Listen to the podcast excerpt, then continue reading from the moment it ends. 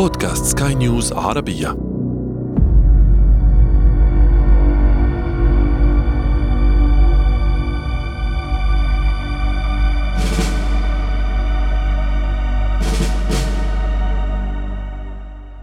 في التاسع من نوفمبر من 2023 وفي خضم حرب إسرائيل على قطاع غزة أعلنت الحكومة الألمانية ارتفاع صادرات الأسلحة الألمانية لإسرائيل بعشرة أضعاف العام السابق.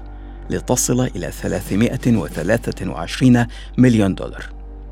مجموعة غيمنتال الألمانية للدفاع توقعت زيادة مبيعاتها مع زيادة الطلب على الأسلحة في الشرق الأوسط وأوكرانيا لتصل إلى 12 مليار دولار في 2025 مقارنة بنصف هذا المبلغ تقريبا في 2022 والمجموعة الألمانية لا تقارن بعمالقة الأسلحة الأمريكية لوكهيد مارتن وريثيون ونورثروب غرومان وجميعهم ارتفعت أسهمهم في البورصات عدة أضعاف بفضل مبيعات الأسلحة لسد الطلب على منتجاتهم العسكرية.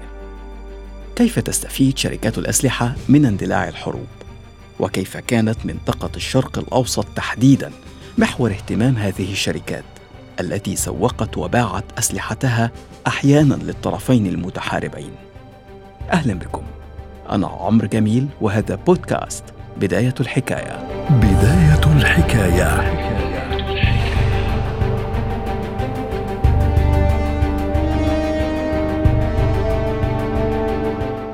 منذ انتهاء الحرب العالمية الثانية ويقين الأوروبيين أنه لا يمكن المجازفة بقيام حرب جديدة فوق الأراضي الأوروبية حولوا بقية مناطق العالم إلى ساحة معارك ساخنة أو باردة بين المعسكرين الغربي والشرقي لكن منطقة الشرق الأوسط تحديدا كانت منطقة مثالية لشركات الأسلحة. منطقة مضطربة بوجود الحروب العربية الإسرائيلية والانقلابات المتكررة والتوتر الدائم. ثم لما وقعت الحرب العراقية الإيرانية كانت فرصة ذهبية لجميع لاعبي السلاح حول العالم لبيع أسلحتهم ومنتجاتهم لكلا الطرفين العراق وإيران. ومع أن أمريكا مثلا كانت تفرض علنا عقوبات على إيران تمنعها من بيع أسلحة لها خلال الحرب لكن الواقع أن الأسلحة الغربية والأمريكية كانت تصل إلى إيران. دعونا نستمع إلى ضيفي في هذه الحلقة الدكتور مينا عادل الباحث في الشؤون الدفاعية. المعروف دايما بالنسبة للجانب الإيراني إن هو التسليح كان بيعتمد بشكل كبير قوي على شرق أوروبا وأمريكا ويعني الولايات المتحدة والأوروبيين كمان بس بالاكثر كانت الولايات المتحدة وكان ده واضح قوي آه، في أسلحة أو في أفرع معينة زي ال- سلاح الجو تحديدا ومن بعده القوات البحرية ومن بعده في النهاية القوات البرية.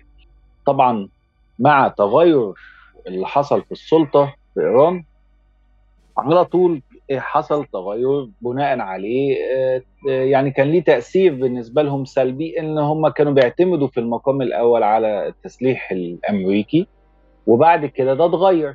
فكان بيلاقوا دايما منفذ من خلال يعني طرف وسط ما بين التسليح الأمريكي لأن خلاص كان التسليح الأمريكي اتمنع عنهم آه وطرف تاني بيمتلك السلاح ده بيقدروا ياخدوا منه. وده اللي ظهر لينا في الوثائق آه، المخابرات المركزية الأمريكية العام 84 اللي تم الإفراج عنها مؤخرا إن استدام الإمداد الجيش الإيراني بالتسليح الأمريكي من دول زي إسرائيل وإيطاليا وبلجيكا وأسبانيا وكوريا الجنوبية والبرتغال واليونان وبلجيكا. تمام؟ طيب. والواردات الإيرانية من التسليح في أربع سنين النزاع ده وصلت ل 2.3 من عشرة مليار دولار. اما بالنسبة للعراق فبلغت ال- الواردات العراقية من الدول الغربية وكانت على رأسهم فرنسا.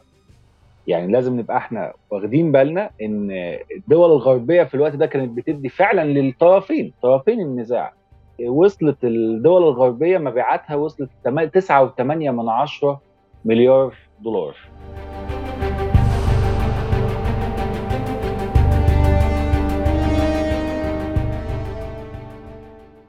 لكن حرب الخليج الأولى أو حرب العراق وإيران كانت مجرد البداية.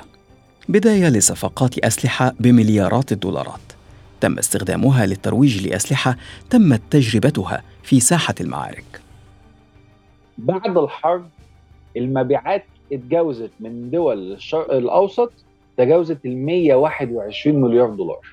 وده رقم مهول كبير جدا بما فيهم أصلا من داخل ال 121 مليار دول الجيش العراقي. يعني الجيش العراقي من بعد الحرب ابتدى يطور نفسه وبيشتري تسليح غربي.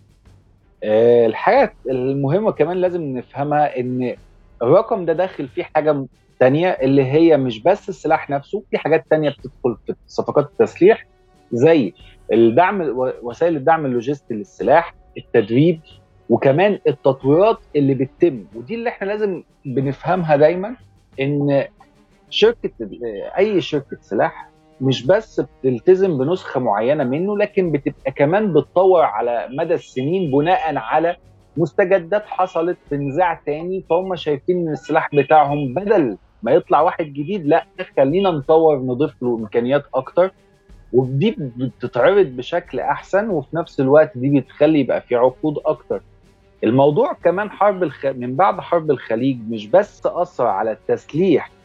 للدول الشرق الأوسط لكن كمان من ضمنهم إيران اللي برضه ارتفعت الصرف على التسليح بتاعهم وصل ل 17.4 مليار دولار ابتدوا يعني يستحضروا أنظمة صينية وكمان روسية وصرفوا جزء كبير جدا على محاولة تطويرات محلية للتسليح بيهم. استمر الأمر على هذا المنوال. فأي حرب ستعني مكاسب مهولة لشركات السلاح كل شركات السلاح الشرقية والغربية. بعد اندلاع الحرب في سوريا على سبيل المثال ومع دخول روسيا في الحرب بشكل مباشر زاد الطلب على الأسلحة الروسية بشكل كبير.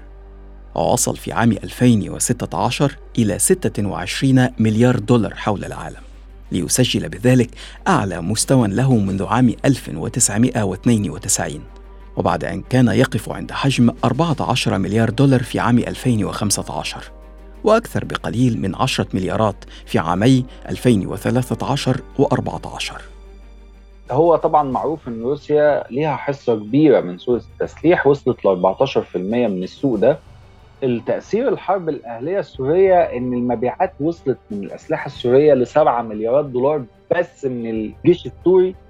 ودي لازم نبقى فاهمين حاجة مهمة جدا إن وفقا لتقرير من من رويترز اتكلم إن الجيش السوري بيعتمد في 50% من تسليحه على الجانب الروسي و30% على الصيني و20% فقط من الإيراني وباقي المصادر الأخرى.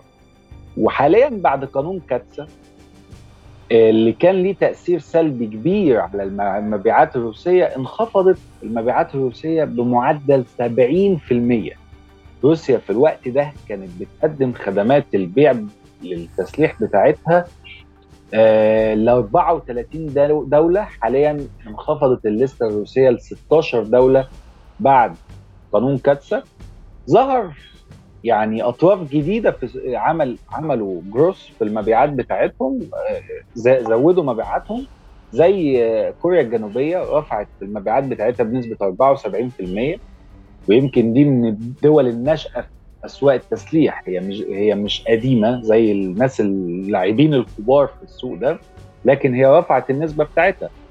يعني وفي نفس الوقت إن الحصة الروسية كانت كبيرة فعندنا مثلا فرنسا المبيعات بتاعتها ارتفعت ارتفعت بنسبة 44% إيطاليا 45% كل ده مستفيدين من النقصان من الحصة الروسية في السوق. قانون كاتسا لمن لم يسمع به سابقا هو قانون مكافحة أعداء أمريكا من خلال العقوبات وهو قانون سنته الولايات المتحدة في عام 2017 لمعاقبة روسيا على دورها في الحرب في سوريا ووقتها الخلاف مع أوكرانيا وأيضا الاتهامات التي وجهت لروسيا بالتدخل في الانتخابات الأمريكية في سنة 2016 نص القانون على معاقبة روسيا والدول التي تتعامل مع قطاعي الدفاع أو الاستخبارات في الاتحاد الروسي. والواقع أن القانون كما ذكر دكتور مينا أثر بشدة على حجم صادرات الأسلحة الروسية وتراجعت بالفعل بشكل كبير. فدخلت كما ذكر هو دول أخرى للحصول على كعكة من سوق السلاح العالمي ليس فقط دول مثل كوريا الجنوبية لكن حتى دولة تصف نفسها بأنها محايدة مثل سويسرا. ده حقيقي. سويسرا بحسب آه، بلومبرج ارتفعت مبيعاتها بمعدل 29% آه، في سنة 2022 عن 2021 طبعا هو آه، إحنا فاهمين خلاص دلوقتي إن عندنا حصة كبيرة من السوق يعني فقدها أحد اللعيبة الكبار فلازم طبيعي إن حد هياخد منه فهو برضو يعني سويسرا استفادت من ده آه، لتحتل واحتلت المركز الرابع عشر من موردين السلاح في العالم وعندها دلوقتي بنتكلم في معدل زيادة مبيعات مركب بنسبة 2.5% فده معناه إن هي. مبيعاتها بتكتر بمعدل 2.5% على المعدل الرسمي من المبيعات. يعني هي كل سنة لو جمعنا مبيعاتهم في خلال مثلا 10 سنين هنلاقي إن هي 2.5% بتزيدوا بمعدل ثابت. ما من حرب إلا وتخلف قتلى ودماء ودمارا وخسارة مهولة حتى للمنتصر. لكن من بين كل الدمار يقف طرف آخر يحارب مع الجميع وضد الجميع. لا يعنيه من يقتل. المهم أن يقتل بسلاح أنتجه هو. طرف يبقى دائما فائزا من دون خسارة. طرف اسمه شركة الأسلحة. بداية الحكاية.